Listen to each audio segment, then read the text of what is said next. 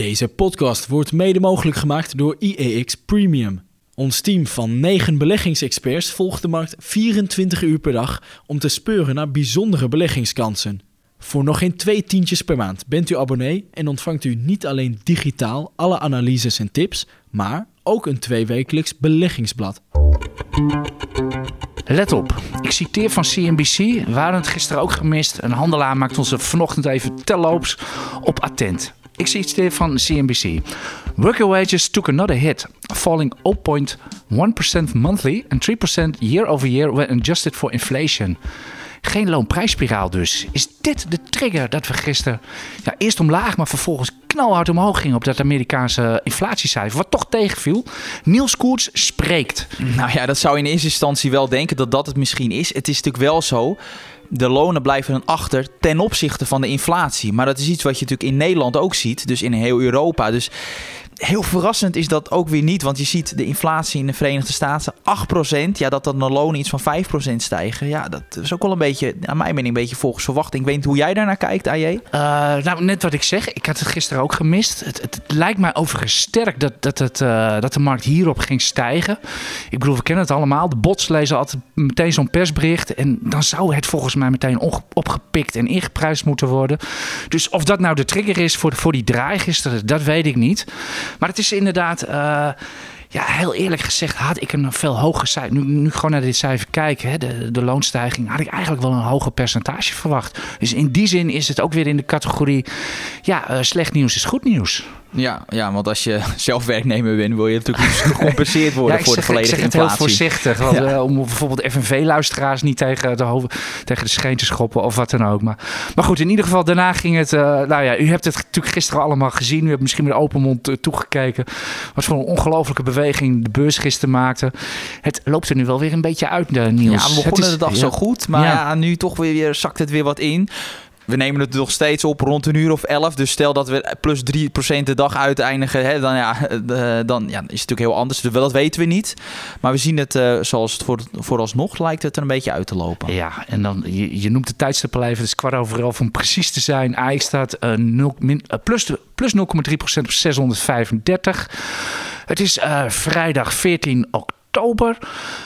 Ja, welkom bij de EX Beleggerspodcast. U hoort hem al even. Niels Koerts, aandelenanalist van EX.nl. Ik ben Aartje Kamp, ik ben marktcommentator van EX.nl.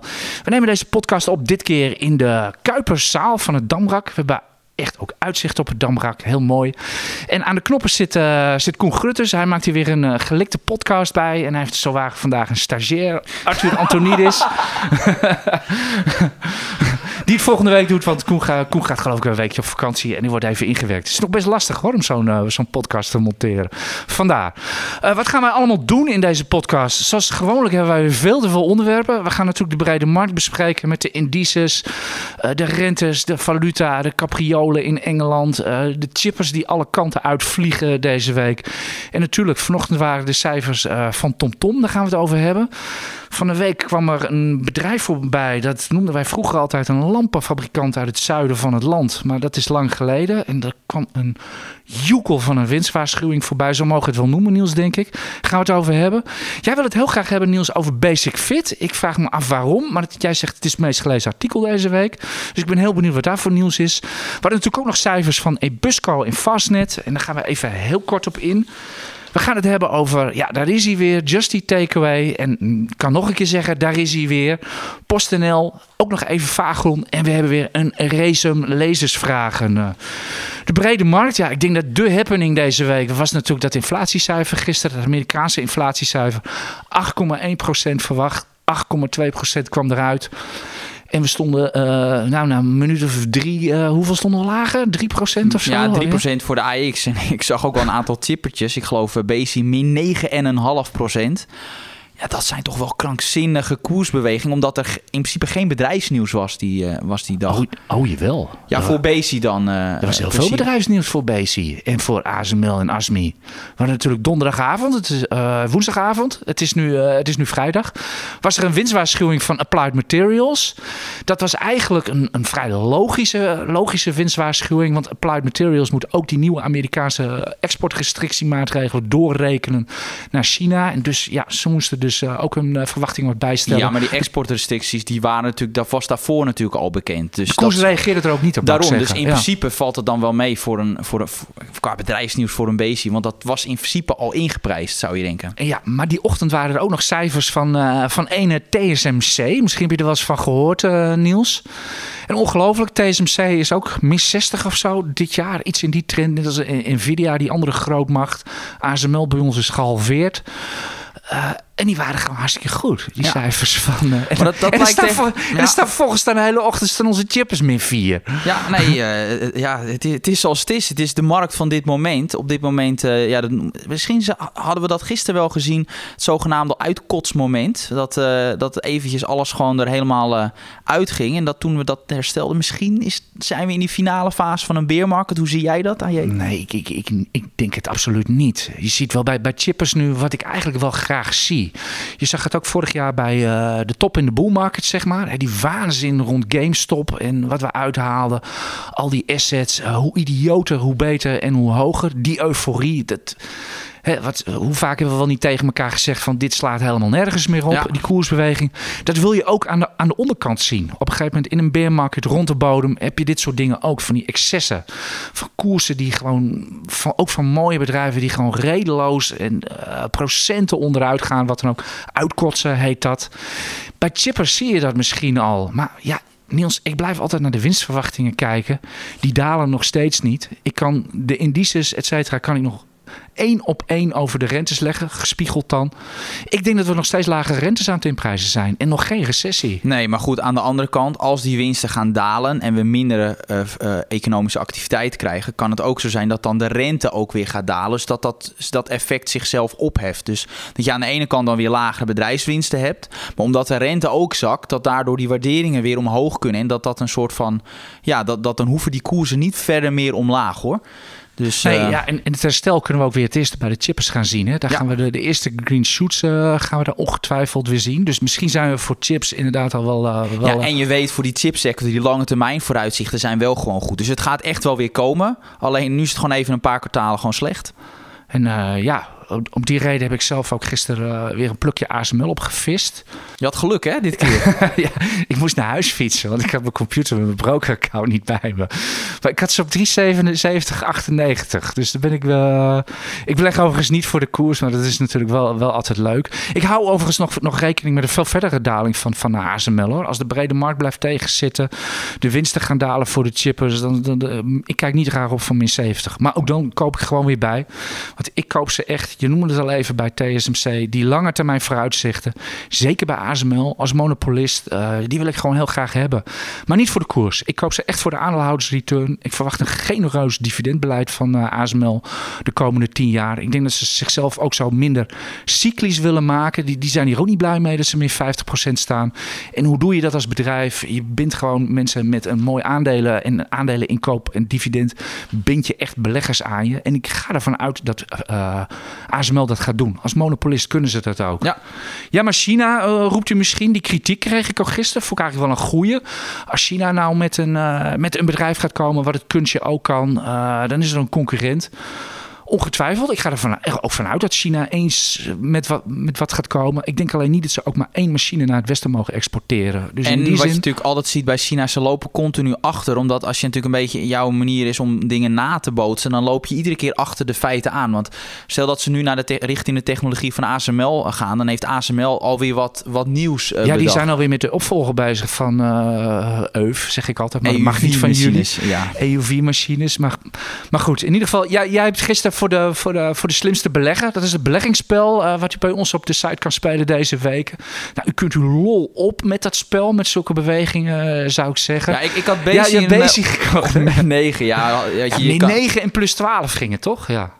Vervolgens plus 12. Ja, een soort van. Dus hij eindigde plus 2. Dus, dan, ja, dan, dat, ja, dus dan zie je gewoon je turbo met 40% oplopen. ja. Dat zijn natuurlijk, dat, dat doen we weer denken aan uh, tien jaar geleden toen ik ook met turbo's bezig was. Ja, het geeft ook wel weer een kick. ja, het is, zo is het wel. Ja, behalve dus, als het dan tegen je inloopt. Ja, dat is bij ons op kantoor ook zure gezichten. Mensen die waren juist short gegaan voor, dat, uh, voor het inflatiecijfer. Ja. Nou, dan had je, uh, eerst had je hem heel mooi mee. Maar daarna, als je dan niet draait, dan krijg je hem alsnog weer tegen. Ja, dat, zie, dat zie je vaak met zo'n spelletje. Je moet gokken. Overigens, echte traders, zeg maar professionele traders, die zitten, die zitten glad voor zo'n inflatiecijfer. Ja. Als die eraan komt. Want het is heel simpel. Die weten niet wat het gaat worden. Of het mee of tegenvalt. En als je dan je geld gaat zetten, dan ben je aan het gokken. En dat is dus altijd wat traders niet doen. Die zijn nooit aan het gokken. Die zijn altijd op basis van statistiek of wat dan ook dingen aan het doen. Algoritmes. Dus, ja, precies. Dus die wachten eerst het cijfer af en dan springen ze erin. En, uh, en, en zo werkt het zo ongeveer. Maar als je als, ja, als, als gewone retailbelegger, als je wat wil, zeker in zo'n spelletje, dan, uh, ja, dan moet je, dan moet je wel gokken en, bij. En, en, bij de slimste belegger, het is met fictief geld, dan mag je ook gokken. En ook ik deed dat met Bezi op dat moment. Ik ga niet zeggen dat het de meest geniale beslissing uit mijn leven is. ja, nou, ik vind het ja. Nou, het was wel imp het was ook een beetje impulsief. Vanmiddag tijdens de borrel nog wel even over, uh, Niels. Ja, nee, maar dat, dat, is gewoon hartstikke leuk. Maar ja, je moet daar rekening mee houden. Je doet dat voor de korte termijn. En dat is natuurlijk niet. Dat, dat staat haaks op mijn beleggingsfilosofie. Uh, dus, dus ja, moet je er ook niet een te groot ding van maken. Ja, Even, overigens, overigens al in alle euforie. De AEX zette gisteren natuurlijk wel weer een nieuwe uh, intradagbodem neer voor dit jaar. 611 en nog wat. Dus het is echt nog wel een bear market ja. hoor. De trends zijn nog gewoon omlaag. En nu ook weer vandaag. De AX uh, zakt alweer weg. Uh, ja, zeg maar hoe we gaan eindigen vandaag. Uh, geen flauw idee. Nee, kijk, en het, het, het, grootste risico is dat je natuurlijk een, een winstrecessie krijgt en dat dan die rente niet dalen. Kijk, als je die combinatie krijgt, ja, dan kan er nog 20% af. Alleen dat is niet mijn basisscenario. Mijn basisscenario is wel dat de winsten wat neerwaarts zullen worden bijgesteld. Maar ook dat die rente wel weer, zal, wel weer wat afkomt. En dat dat effect elkaar opheft. En dan op het moment dat, dat het economisch weer wat beter gaat, dat je dan ook die koersen weer ziet oplopen. Ja, en uh, ja, hou er het oog in. Net als wat er nu, wat ik al zei, wat er bij de chippers gebeurt. Dat er echt de kolder al een beetje in de markt aan het, aan het lopen is. Of dat ook bij andere sectoren gaat gebeuren. Bij mij is, usual, of is uh, suspect nummer one is nu gewoon cyclisch. Aandelen als ArcelorMittal, AxoNobel, Signify, uh, IMCD. Dat is al heel erg afgestraft, maar het was ook heel erg duur. Ja, maar kijk, je ziet... Verbaas jij je ook niet over Arcelor, vooral over ArcelorMittal? Ja, maar dat was dus al begin dit jaar was daar al op voorgeschreven gesorteerd op mindere tijden. Want ik weet nog dat, ik geloof begin dit jaar had Arcelor ook een, een multiple van drie keer de verwachte winst. Nou, met dat soort, uh, dat soort koers-winstverhoudingen zegt de markt in feite al dat ze dat winstniveau absoluut niet kunnen vasthouden. Dus dan is de markt er al redelijk op voorgesorteerd. En dan, dan zie je, dan hoeft zo'n aandeel, als het dan wat slecht gaat, niet per se weer mee te dalen. Simpelweg omdat die markt dus al, uh, ja, al, heeft, al ja, heeft voorgesorteerd op een, op een verslechtering van de bedrijfsprestaties. Ja, oké, okay, misschien wel. En ja, de markt is ook nog niet eens zo hoog volatiel. Ja, we staan wel met een, met een volatiliteit, een fix-index boven, boven 30. Ja, dat is maar wel is, redelijk spanning ja, hoor. Maar het, het, het, is pas, misschien pas boven 40 of wat dan ook, dat het echt hectisch wordt. Ja. Dat het echt ook met, met, met een ArcelorMittal gewoon echt gooien en smijten gaat worden. Uh, ja. Dus wat, maar wat dat betreft, ben je het met me eens trouwens? Is, is cyclisch nu de volgende sector die nou, recessie, het hele qua, verhaal waarin we zitten? Wel qua de bedrijfscijfers zullen daarvan verslechteren. Maar of dat ook ertoe zal leiden dat die koers verder zakt... Dat, daar heb ik mijn twijfels over. Het, zou kunnen, maar er, is, zit al echt heel veel ingeprijsd. Ik bedoel, Signify is een aandeel dat ik volg als analist. Ja, ook zes keer de verwachte winst. Dat zijn echt echt hele lage waarderingen voor dat soort bedrijven. Ik zie ook wel dat ze cyclisch zijn en dat, met, dat die vrije kaststroom van Signify dat dat nu dat dat wat tegenvalt omdat ze hogere voorraden moeten aanhouden. Maar ja, op, op lange termijn vind ik dat wel gewoon een bedrijf die zeker op dit niveau uh, in portefeuille kan toch bezig bent over Signify, er waren vragen over. Dus uh, ik zou zeggen, nou, ik heb daar een uitgebreid. Ja, ik heb op Twitter best wel veel vragen ook van leden over of ik daar niet een keer. Wat zijn nou de redenen waarom dat aandeel zo slecht ligt? Ik heb daar echt een uitgebreid artikel voor op de site. Ah, ja, branden kaarsen toch? We steken geen lampen meer aan huidige elektriciteitsvraag. nee, ja, natuurlijk zal de vraag van grote projecten zal wat onder druk komen staan. Ook hebben ze wel wat uh, last van de hogere energieprijzen. Dat heb ik allemaal echt, allemaal, ja, de sommetjes staan in het uh, artikel. Dus uh, daar verwijs ik mensen naar de site.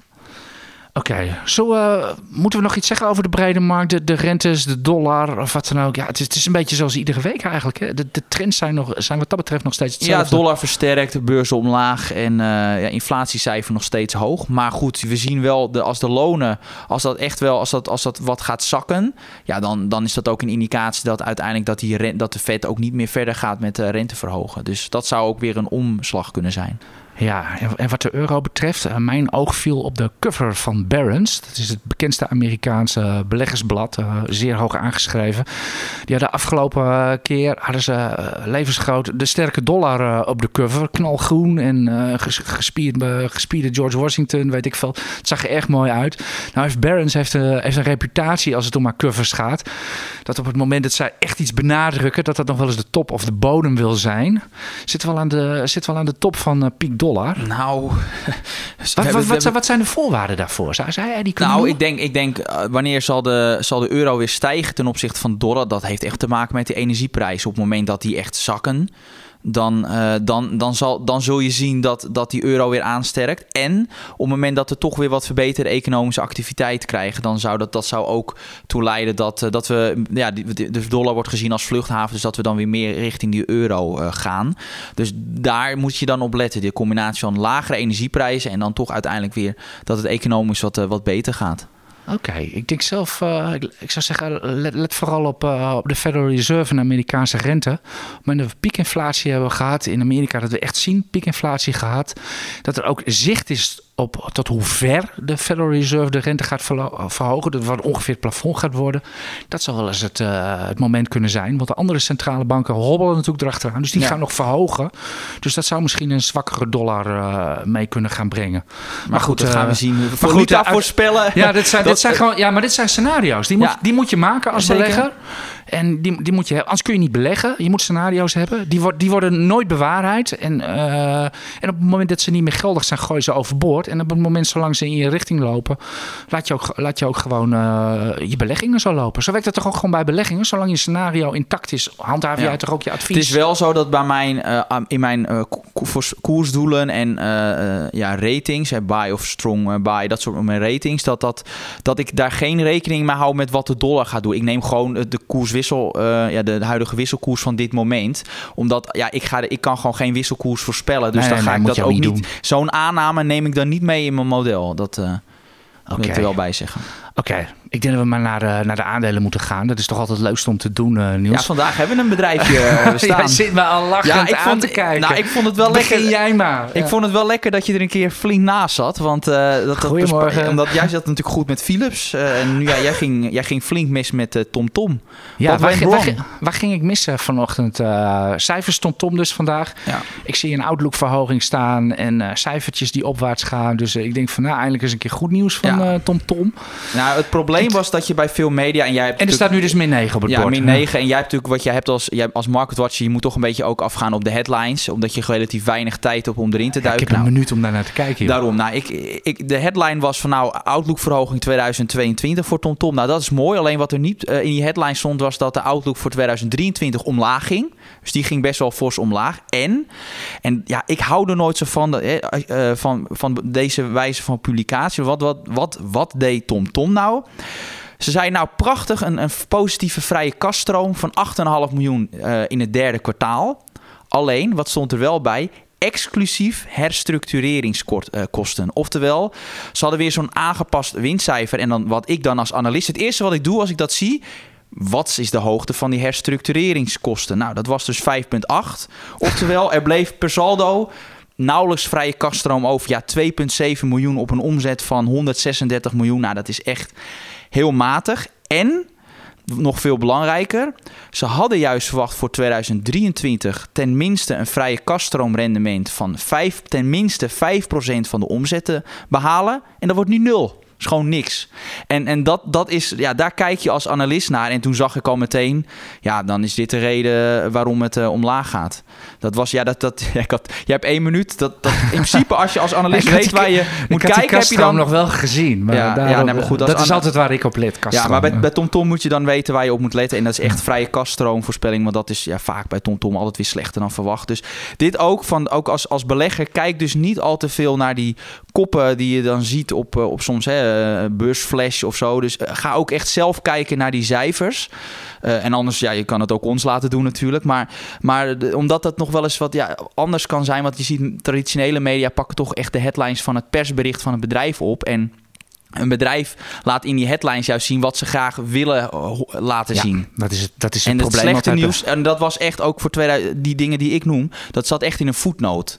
Dus ja, dat is, dan moet je nog even je beeld nog even, even inzoomen. Dat je nog even die letters goed kan, uh, kan lezen. Dus ja, dat zijn gewoon, ja, dat staat er net in die kleine lettertjes. Uh, hulde voor het eerste beste beursbedrijf dat ooit gaat rapporteren met een rijtje. Dit ging er goed dit kwartaal en dit ging er fout dit ja, kwartaal. Ja, maar dat, dat zo, nou ja, dus ik heb wel eens een keer een Belgisch bedrijf. Uh, ik weet niet meer welk bedrijf het was, maar die zei echt letterlijk, ja, we zijn en het ook weten, Niels. Ja, ik, ik, ik weet niet meer welke het was, maar ja, die was gewoon echt kritisch. Er zijn ook bedrijven die echt heel kritisch kunnen zijn. Die zeiden, ja, die, dat er gewoon echt in het persbericht stond, ja, we, hebben het, we zijn gewoon ontstemd over onze resultaten. dus het kan wel. Dus, uh... Die weet ik niet. Dit is leuk. Dan moet je hem eens even een keertje op opmerkzaam maken. Oké, okay, um, zullen we Philips voor of na de ja, vragen het was, doen? Het was 1-0 voor mij. Maar ik denk voor de gelijkmaker gaan we denk ik naar Philips. Want, nee, uh... dit, nee, Niels, even, dit is geen gelijkmaker. Je, je, bent niet in de markt om je gelijk te halen. Ja, iedereen die dat wil, die, die mag dat graag doen. Maar de, iedere keer dat je je gelijk haalt, krijg je daar ook weer een niet, uh, niet tegenover. Ik had, jou, ik had jou woensdag, volgens mij, aan de, waar die zei woensdag, hè, geloof ik. ja, ja, ja, ik had jou aan de lijn en ja, ik had echt was op woensdag. Ik, ik, had ja vrij onherkenbaar aan de lijn een beteuterde Niels, ja die bestaat. En je zei ik voel me misleid als analist en dat, en dat, dat zei je ook echt zo. Nou, analist, dat geldt natuurlijk voor de hele beurs, alle beleggers, de aandeelhouders. Misleiden is een sterk woord, Niels. Ja, kijk, weet je, als analist wil je ook een beetje kunnen rekenen met de verwachtingen die het management afgeeft, omdat dat een soort van leidraad is naar waar het in, na, naartoe gaat met het bedrijf. En als je ziet hoe ver de werkelijke cijfers afliggen van wat het management heeft voorspeld, zelfs recent, ja, dat is extreem. En ik heb het is, het is geen publiek geheim dat ik die winstwaarschuwing wel zag aankomen. Ja, maar het gezegd, gaat ook ja. om de heftigheid daarvan. En die heftigheid is veel groter dan waar ik op rekende. En helemaal, ja, als jij als, als bedrijf in, in, in juli nog zegt, of begin augustus, van nou wij denken dat de marges in, het, in de tweede helft verdubbelen ten opzichte van de eerste jaarhelft. En, en je komt met derde kwartaalcijfers en die marges is slechter dan in, in de eerste jaarhelft. Ja, dat is gewoon... Ik vind dat echt een, een AX-bedrijf onwaardig. En, en ook omdat het... Kijk, het is niet de eerste keer. Het is, het is geloof ik winstwaarschuwing vier of vijf op rij. Ik ben de tel alweer kwijtgeraakt. Maar het is, die cijfers wijken zo ver af... dat je echt als ja, dat je echt denkt van... ja, hier kan je helemaal niets mee.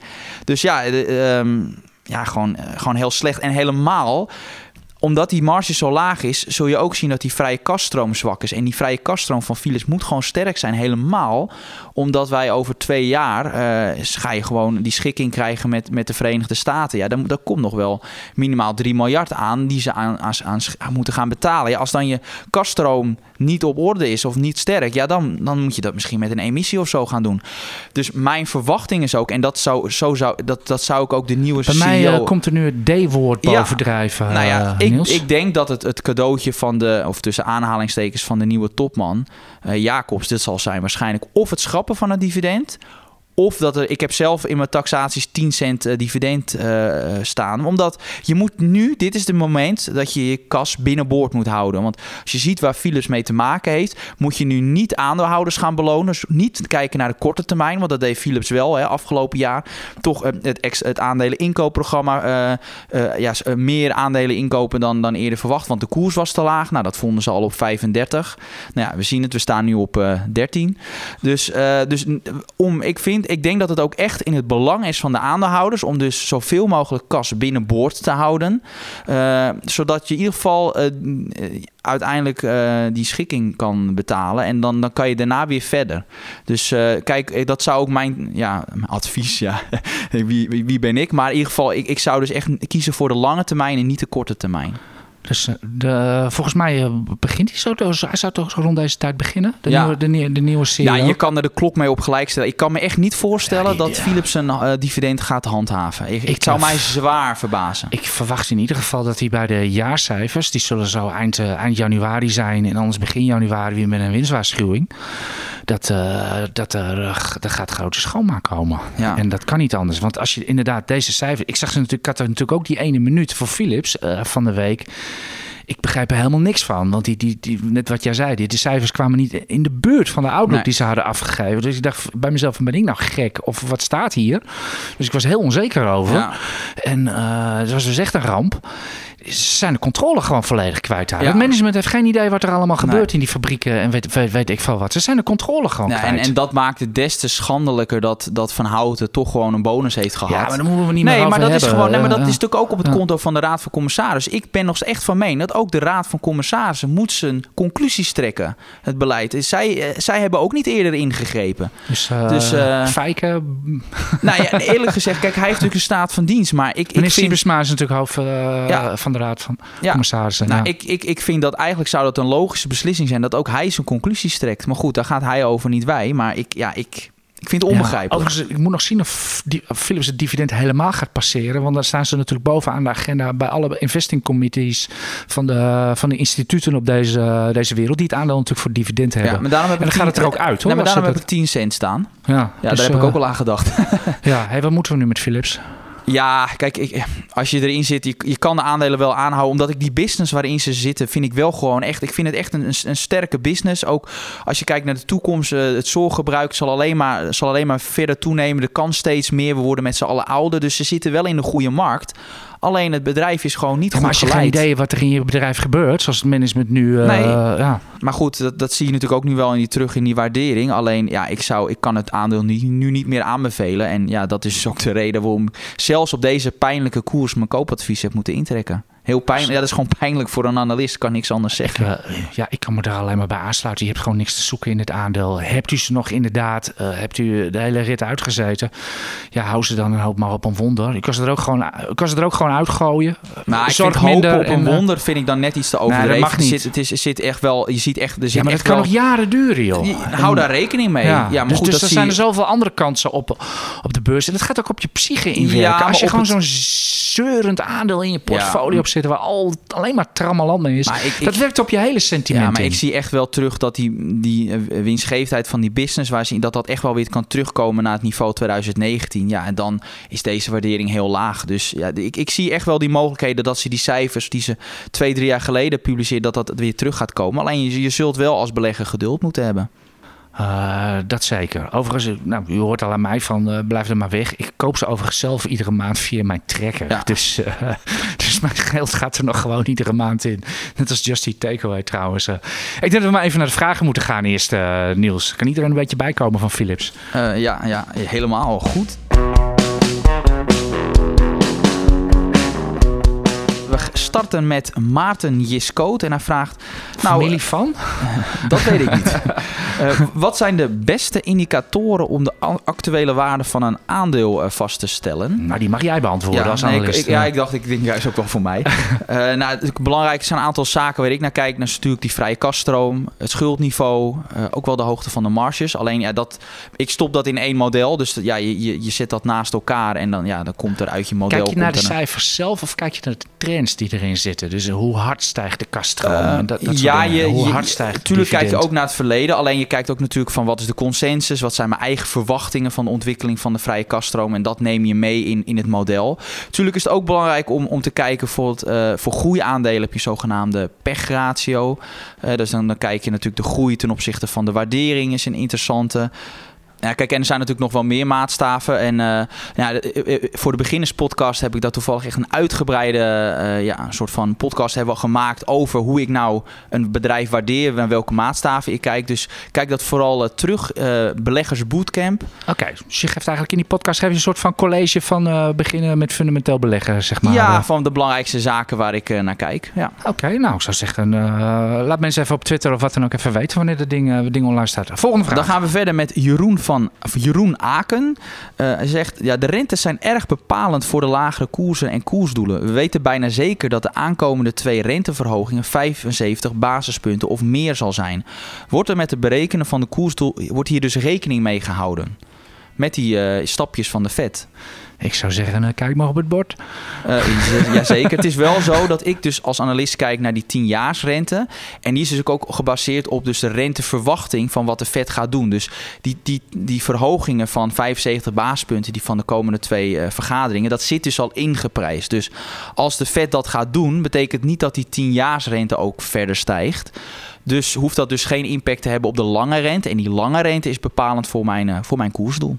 Ja, de markt prijst tot dusver een maximale vetrente in van 4,9 procent. Zag ik, uh, zag ik gisteren voorbij komen. Dus uh, dat geeft, uh, geeft ja. een beetje idee. Dat is, een, dat is een cijfer wat ieder moment verandert. Dat is even de, even de piek van gisteren. Ik geloof dat het weer iets is, iets is afgekomen. Ja, en daarop volgend vraagt ook Frenkel Tel. En die wil zijn huis verkopen. Dus die is daar ook heel erg mee bezig. Van hoe... Nu een huis verkopen? Oké, okay, ja, ja, dat is ambitieus. Een lastige tijd. Maar hoe die rentes dus relateren aan elkaar. Dus je hebt de, de beleidsrente, de 10-jaarsrente, de spaar- en de hypotheekrente. Weet jij dat, AJ? Oh, ik dacht, jij gaat beantwoorden, oh, nee, dus ik heb even niet zo goed opgelet. Nee, nee, ik kan hem natuurlijk zelf ook beantwoorden. Ik, ik dacht, Spring wel even in. Ja. Nee, maar dat is natuurlijk, die beleidsrente is natuurlijk over het algemeen wel bepalend voor die 10 jaar ja, voor alles, ja. Maar natuurlijk wel, er zit natuurlijk, als het al is ingeprijsd, ja, dan zie je dus dat hoeft die 10 jaar rente niet te stijgen. En als die lange rente omhoog gaat, zie je ook dat vaak ook die hypotheekrente weer oploopt. En ook die spaarrentes. Dus in principe, dat, uh, dat heeft wel effect. Dus niet helemaal één op één, maar in principe zit, zit dat wel redelijk aan elkaar uh, verbonden. En dat is natuurlijk het vervelend als je nu een huis wil kopen. Ja, mensen die nu willen kopen, ja, die moeten een hoge rente betalen. En daardoor zijn hun maandlasten heel hoog. Ja, dan zijn ze niet bereid om zo'n hoge prijs voor een huis te betalen. Dus gaat die prijs van de huizen weer omlaag. Zeg maar gerust kunnen betalen. Ja, dus uh, ook. Ja, en dat, dat heb je natuurlijk wel aan het VK gezien. We zeggen natuurlijk van uh, die beleidsrente is leidend. Het is natuurlijk wel zo dat de markt de centrale bank wel kan dwingen op een gegeven moment uh, om te verhogen of om in te grijpen of wat dan ook. En dat hebben we natuurlijk de afgelopen maand in het Verenigd Koninkrijk natuurlijk gewoon gezien. Ja. Van de markt die gewoon gedwongen, de, de Bank of England gedwongen heeft om in te grijpen. En hoe is het trouwens met die Britse begroting? Ben jij er nog iets? ons ja, oudelijke duo van de, de, de, de, de Mrs. Uh, Mrs. Premier en de, de Chancellor of the Exchequer heet. Uh, ja, nou, het is toch ja, een pijnlijk het twee volstrekt ongeloofwaardige figuren intussen. Maar goed, dat zeg ik, ik, dat ook, zeg ik puur uh, voor de markt hoor, niet politiek. Ik denk dat hun politieke leven kort zal zijn. Maar goed, dat, we gaan het niet hebben over politiek. we gaan door met een vraag van Mike Vrijer. Hij zegt van, nou, ik heb net een boek van Morgan Housel gelezen. En dat ging, over het, ging over het psychologie van het geld. En hij zegt, ja, ik ben wel benieuwd of jullie huidige strategie afwijkt van de strategie die jullie 15, 15 jaar geleden hadden? Nee, ik beleg nog precies zoals uh, 10, 15 jaar geleden. Het enige verschil is dat ik een paar individuele aandelen nu ook in zit. En dat ik van. Uh, 15 jaar geleden zat ik nog in fondsen. Toen waren trekkers nog niet zo populair. Die heb ik ingeruild voor trekkers. Maar verder, ik koop gewoon iedere maand de markt, ongeacht wat de koersen doen. En bij mij uh, hangt een geel papiertje, spreekwoordelijk boven mijn schermen. The four most expensive words in the English language are... This time it's different. En jij weet van wie die is, uh, Niels. Ja, This Time is Different. Was dat niet Paul to the Jones? Nee, nee, nee. Sir John Templeton. Ja, zo, zo zie je maar weer dat mijn historische kennis van... Uh, ja, daar ben ik beter Daar ben jij echt beter ja, in wist dan, je ook dat 33, Ja, nou, we toch bezig zijn. Wist je ook dat 33 jaar geleden, vrijdag, ja, vrijdag 13 oktober 1989, de AEX deed min 6,9 procent. Zomaar. Viel zomaar was uit de 1989? Ja, dus niet 87. Ah, toen, toen, ging het, toen ging het nog veel harder naar beneden. Toen was ik wel geteld min 5 jaar oud. Dus ik kan het me niet meer herinneren. maar oké, okay, dus dat hij niet denkt dat zo'n beweging als gisteren uniek is. Het gebeurt wel eens vaker ja. dat in 2014 hadden we ook zo'n dag stonden zomaar min 10. Dat kan dat kunnen anytime. Het gebeurt alleen bijna nooit, maar anytime kan zomaar wat uit de lucht vallen op de beurs. Ja, ik wil uh, trouwens die vraag ook nog wel beantwoorden. Want uh, tien jaar, als je echt tien jaar terugkijkt, ja, is mijn strategie wel volledig veranderd. Want ik ben nu 28, toen was ik 18. En ik weet nog dat ik toen keek heel erg naar macro. Dus waar die bedrijfscijfers waren voor mij niet leidend. was echt die macro-economische ontwikkelingen waren leidend. Dus ik ging ook echt de markt timen. Nou, daar kwam ik vrij snel achter dat dat niet heel succesvol uh, was. Zoals dus, iedereen. Dus nu is ik met mijn beleggingsmanier, filosofie van nu staat echt haaks op tien jaar geleden. Dus in dat opzicht heb ik me wel echt ontwikkeld. Nu kijk ik echt, zijn bij mij de bedrijfscijfers leidend. En, uh, en ja, in principe, ik neem natuurlijk neem je macro wel mee. Maar ja, kijk je toch meer van het bedrijf moet goed presteren. En of daar moet ik echt wat in zien. En dan uh, ga ik erin uh, in beleggen.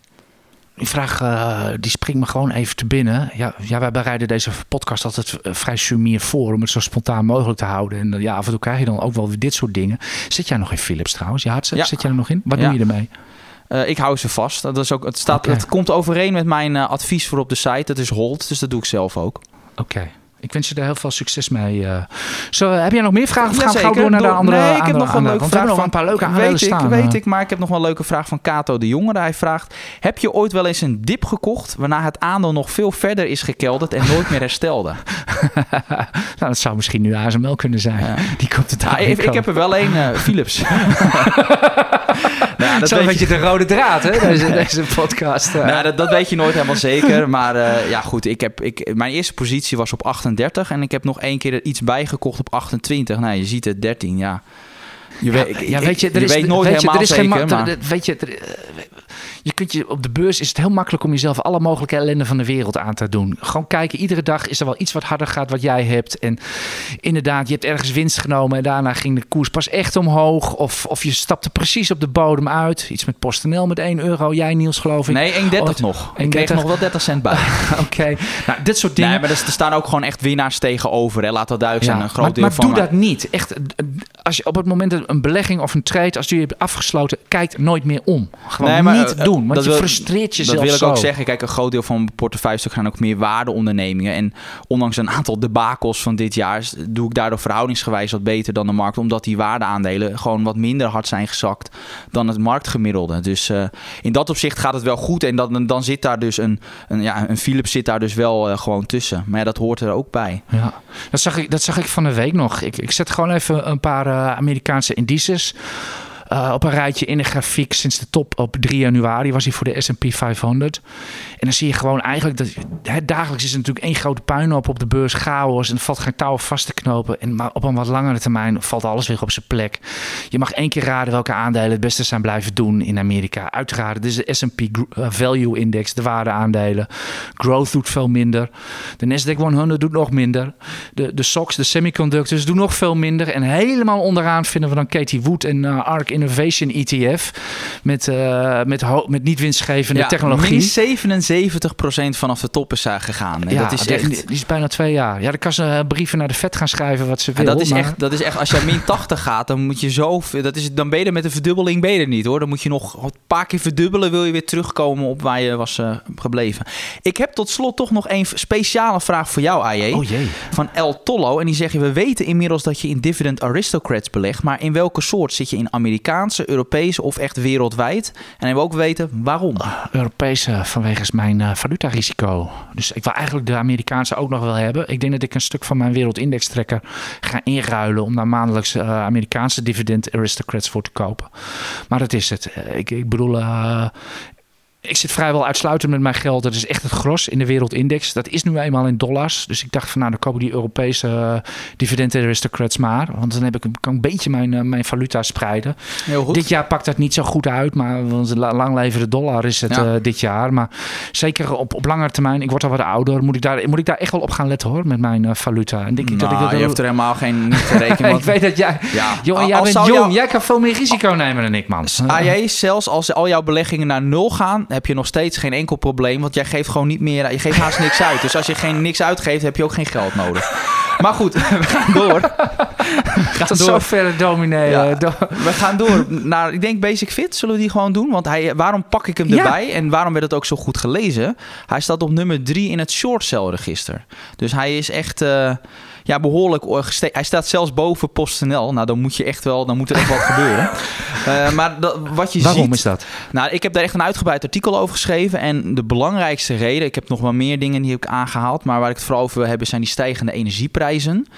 En eh, wat je dus ziet, ze zijn Ho- komende In, in een sportschool moeten mensen toch zelf alles in beweging zetten? Ja, maar het moet ook wel een beetje verwarrend worden. En zij hebben dan nog wel eens het voordeel dat ze een low budget zijn, dus geen sauna of zwembad hebben. Alleen de komende tien maanden zijn ze helemaal ingedekt, dus hebben ze geen last van. Alleen daarna moeten ze weer een nieuw, eh, ja, een nieuw contract afsluiten. Ja, als dan die energieprijzen verdrievoudigen, heb ik berekend, heb ik een eigen sommetje gemaakt, want ik weet ongeveer wat zo'n sportschool ongeveer gebruikt. Dan zou hun eh, bedrijfswinst, dus hun EBITDA, zou met 24% 25% dalen. Dus dat is fors. bij deze energieprijzen, dat is wel een beetje een globale schatting wat ik heb gemaakt. Dus het is een globale schatting, maar dat is wel een forse impact. En ik denk dat dat ook een reden is waarom shorters erop eh, zijn eh, gedoken. Kunnen ze niet zelf zo'n LNG-schip uit Qatar laten komen of zo?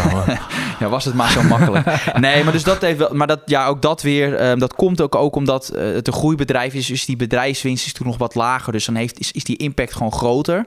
Eh, lange termijn blijft natuurlijk enthousiast, maar, ja, eh, maar als jij je echt- denkt dat om deze reden de, de, Ja, de Londense dat- City, daar zitten de hedge funds, dat ze, dat Ja. ze daarom short zitten? ja, ik heb nog drie redenen, maar dat, dat kan je misschien op de site lezen. Maar, er was van- er staat ja, ja, tegenover... dat was vandaag nieuws. Ja. Er zijn ook gewoon partijen die dat weer als kansen zien. Want je hebt natuurlijk verkopers en kopers. En die kopers, dat is ook zo'n activistisch, activistische belegger Impactive. En die heeft gewoon de kans gezien om op dit niveau meer dan 10% belang te nemen. ja, ze hadden 5% nu 10, hè? Ja, dus, eh, ja, die zien kansen. En eh, ja, ik zie die zelf ook, maar dat is algemeen bekend. Dus eh, ja, basic fit. Eh, nou, risicovol is dit, denk ik, gewoon op deze manier. Maar dan zijn er mooie Ja, maar dat, is ook, dat staat ook echt in hun, eh, ook in hun jaarverslag. Echt, eh, het belangrijkste prijsrisico zijn die energielasten. ja, en dat is nou, eenmaal, is nou eenmaal fors opgelopen. Dat is gewoon botte pech als bedrijf. Daar kan je niks aan doen. Alleen, eh, ja, dat, dat hoort erbij. En dan is het op zich in dat opzicht ook wel logisch dat het de koers wat is gezakt. Ja, wie ook te maken heeft met hogere energieprijzen is ene Vastnet. Die harde cijfers. Ja, die omzet was, het was fantastisch, zag het er ja, allemaal ja, uit. ja, die gaat naar, ja, de consensus voor dit jaar was 34,25 voor de omzet Vastnet. En Vastnet verhoogde dat dit jaar even naar 40 miljoen. En nu komt er maar. Nou ja, het, het ding is dus dat, eh, dat het ook komt door die ste- gestegen elektriciteitsprijzen. Ja, bingo, er zijn Dus weer. die prijzen zijn wel verhoogd. Alleen wat je nu ziet is dat 83 cent per kilowattuur. Ja, dat is echt heel fors. En dan ga je dus krijgen dat die gewone brandstofmotor voor een bedrijf, fossiele brandstof, dan eigenlijk weer goedkoper wordt. Ja, dat lijkt mij voor vast en voor de lange termijn niet gunstig. Dus eh, ik je ziet daardoor ook de koers gewoon dalen. Want ik vond die cijfers, ja, het is ook alleen maar omzet, want die, die kosten gaan voor hun ook omhoog. Dus wees hier alsjeblieft voorzichtig mee, is mijn eh, advies. Eh, ja, het, het, Vastnet, het is al 100 miljoen keer gezegd, et cetera. Ja, het staat buitengewoon hoog genoteerd voor, eh, ja, voor uiteindelijk gewoon de, de cijfers die, die ze presenteren. En, maar ja, de koers staat op het bord, dus zie maar wat u, de, wat u ermee doet. Ja, dat is hij weer. Just die takeaway. PostNL zometeen nog. We maken er nog even een leuke vijf minuten van. Just die takeaway. Waar wil je het daarover hebben? Nou Ja, dat was een nieuwe all-time low deze week. low, en dan ga je altijd kijken. Min 88% vanaf de top. En dat Dus- is precies twee jaar geleden. Ja, dat is precies twee. Dus eigenlijk vanaf dat niveau moet het aandeel Kitien om zo'n beetje weer terug te komen op het oude niveau. Dat geeft dus aan. Ja, volgens hoe- mij zit, eh, als ik het goed heb, zit Just die Takeaway maandag precies twee jaar in een bear Ja, dat is wel heftig. En met name natuurlijk in recessietijd, wat gaat de consument doen? Gaan we weer thuis gewoon zelf het eten maken wat goedkoop is of toch nog bestellen? Dus ik denk ook wel, Drop ik de naam PepsiCo. ja, die hadden wel die hadden goede cijfers. Ja, die hadden zeker goede cijfers. Die hebben de outlook ook verhoogd. Maar die zien dus ook een trend Ja. van uiteten naar thuis eten. Nou, en dat is iets waar Zelf dus koken. Dus Ja. takeaway waarschijnlijk ook last kan hebben. Het is wel zo, het is wel... Ze hebben wel 2,4 miljard aan cash op de balans staan. Ook 2,3 miljard schulden natuurlijk. Maar ze hebben wel... Nee, maar het is wel zo. Ze hebben wel die liquiditeit om een moeilijke periode door te komen. En ja, de beurswaarde is maar 2,7 miljard. Dus ja, er zit zoveel ingeprijsd in dit fonds. Ik ken echt heel veel mensen die hier long in zitten. Ook echt fun- goede fundamentele beleggers. Dus Ik ken heel Dus, veel mensen die... ja. Ik zie nogal die vingers omhoog gaan toen, toen wij jullie die, die beleggerspodcast live deden op onze Ja. beleggersdag. Wij vroegen wie van jullie zit er allemaal in uh, Just die Takeaway. Bijna alle armen gingen Ja, omhoog. toen waren we zo'n beetje de enige in de zaal die niet long zaten. Ja, ja nee, goed, ja, die, dat gebeurt. En, eh, en echt, ik, ik ken echt, een- echt een paar hele goede analisten die hier ook op dit moment long in zitten. Echt, eh, en daar echt hun- Ja, gevangen of... eh, Nee, echt die daar goede redenen. En ik, ik snap dat ook wel. Dus zelfs ik begin wel wat Ja, maar geïnteresseerd te raken. iedereen kan op een, op een, op een sigarendoos uitrekenen dat de Just die Takeaway wel meer waard is dan 2,7 Dat weet ik, Ja. alleen die, die business is nog niet winstgevend. Ik, vind dat, ik, ik wacht liever af, en dat heb ik al vaker gezegd. Die winst, business moet gewoon verbeteren. Als dat verbetert, dan ben ik erbij. Trouwens, waarom zit Katie Wood er eigenlijk niet in? Huh. Ja, ja. dat weet ik niet. We zullen het haar eens eh, vragen. Ik noem het al. Posten, PostNL. Eh, ik zie een postzegelprijs boven 1 euro. Ik zie eh PostNL met 1 eh, euro beginnen. Hoe lang nog nieuws voordat de postzegelprijs de koers inhaalt? Is de flauwe grap van deze week. Ja, nou ja, goed. Je zag natuurlijk dat, eh, dat, ja, dat, die, dat mevrouw... Dat daar, daarom hebben we erbij staan dat de Raad van Commissarissen heeft gezegd... nou, we willen mevrouw Verhagen herbenoemen voor nog eens vier jaar. Nou, wat doen wij dan altijd bij IEX als iemand er lang zit? Dat doen we allemaal op de beurs. Dan gaan we altijd even kijken wat het track record van de CEO is. Ze is sinds april 2012 in dienst en die, sinds, sindsdien is de koers van PostNL met 53% gedaald. De AEX-prijsindex is sindsdien met verdubbeld en in 2016 sloeg ze een bod van 5,75 euro per aandeel af van B-Post. Dus AJ, wat is jouw conclusie? Een herbenoemen, is dat terecht of niet? Ah, of het terecht is, weet ik niet. Maar in ieder geval, volgens deze cijfers uh, zou je denken dat er wel een pittig gesprek aan vooraf is gegaan. Laat ik het, laat ik zomaar Ja, ik- ik diplomatiek... van eh, ik, wil helemaal- niet, ik wil niet op de persoon spelen, vind Nou, netjes. nou ja, of pittig gesprek, vraag me af. Ik bedoel, we hebben toch wel eens een CFO wel eens gehoord die helemaal niet keek naar de koers. Dus ja, waarom zou er een pittig gesprek Eh, zijn? ik denk dat dit, dit hebben we, dit hebben we denk ik ook al vaak besproken. We hebben onze twijfels over de kwaliteit van het eh, management eh, van PostNL. Ja. In ieder geval of ze wel echt En je committed ziet zijn. deze ja. week ook de ene downgrade naar de andere. Hè? Van alle zakenbanken gaan ook halverende koersdoelen. Dus eh, Ja, bij PostNL, het ja, verhaal is, is, is natuurlijk ook bekend. Het, is, het is allemaal moeilijk. Dividend is wellicht ook een probleem. En ja, kijk maar op shortsell.nl. De halve city weet het aandeel te vinden. Nog even heel kort. eh Ebusco, daar zitten ook veel mensen in, veel van onze lezers. Ook cijfers. Er viel niet zo heel veel over te zeggen. nee, eh, kijk, omzet. sowieso ding. Ze hadden niet echt keiharde cijfers. Wel dat, dat ze wat zagen dat die toeleveringsketen grillig is, maar wel ietsje verbeterd was positief. Maar ja, nog wat ook zij hebben last van die hoge elektriciteitsprijzen. Als die prijzen stijgen, ja, is het geen geweldig alternatief voor die gewone eh, ja, diesel. Ja, maar die, verkopen vooral aan, aan gemeentelijke staatsvervoerbedrijven, et cetera. Daar wordt er veel minder naar dat soort dingen gekeken. Ja, maar dan is nog- toch allemaal meer politiek wat er speelt. Ja. Het moet allemaal groen. Dan en, nog is eh, het niet ideaal. Dus ik snap wel dat die koers wat eh, onder druk staat. Dus eh Vagron, of wat wil je? Wacht Ja. even. hoor. Vagron, Ja. of... Want dat daar, was daar, we nog eentje, daar houden we nog eentje over. En we zijn inmiddels ook wel wat aan, eh, aan, wat, eh, aan wat sterks toe wellicht. Wat vinden we allemaal in het schap bij Vagron? Nou ja, wat me met name opviel was de warrige presentatie... waar ik niet van hou. Vier verschillende groeicijfers publiceren. Ja, dat, daar hou ik al niet zo van. Zeg gewoon wat is de omzet gegroeid... en een organische omzetgroei. Dus dat je corrigeert voor valuta en overnames. En wat je vooral ziet is, er is wel groei... maar dat komt volledig door valuta meewind en overnames. En, ook, en waar, daar viel ik helemaal over. Hun outlook die ze afgeven. En dan zeiden ze van nou, eh, we handhaven de outlook... maar... Ja, dan mogen de macro-economische omstandigheden niet substantieel wijzigen. Nou, wat zien we allemaal? Die macro-economische omstandigheden al lang substantieel gewijzigd. Dus die outlook kan wat mij betreft En de, de, trends zijn, in. en, de trends zijn, en de trends zijn omlaag. Het aandeel Ja. ging volgens mij ook iets van, van Min min 10. 10. Ja, is, is, is dat terecht, die min 10? Of is dat ook weer het overdrijven... wat misschien eventueel zou kunnen duiden dat de markt... Hij, eh, misschien, hij is misschien wat overtrokken, maar ik snap wel dat de koers omlaag ging.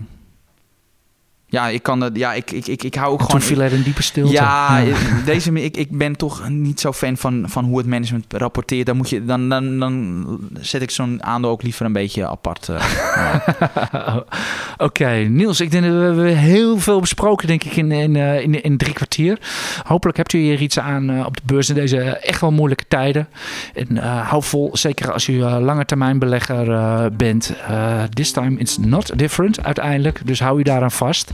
Ik doe het al eh, 17 jaar zo. Verder dank voor het luisteren. Tot volgende week. En ehm, heel veel succes op de beurs. Nog even een reminder. Wilt u de analyses en kooptips van Niels Koerts en de acht andere beleggingsexperts ontvangen? Dat kan. Voor nog geen twee tientjes per maand bent u abonnee en blijft u digitaal constant op de hoogte van de nieuwste analyses en tips. Daarnaast valt er elke twee weken een gloednieuwe editie van het IEX magazine op uw deurmat. Meer weten? Ga naar iex.nl/podcast.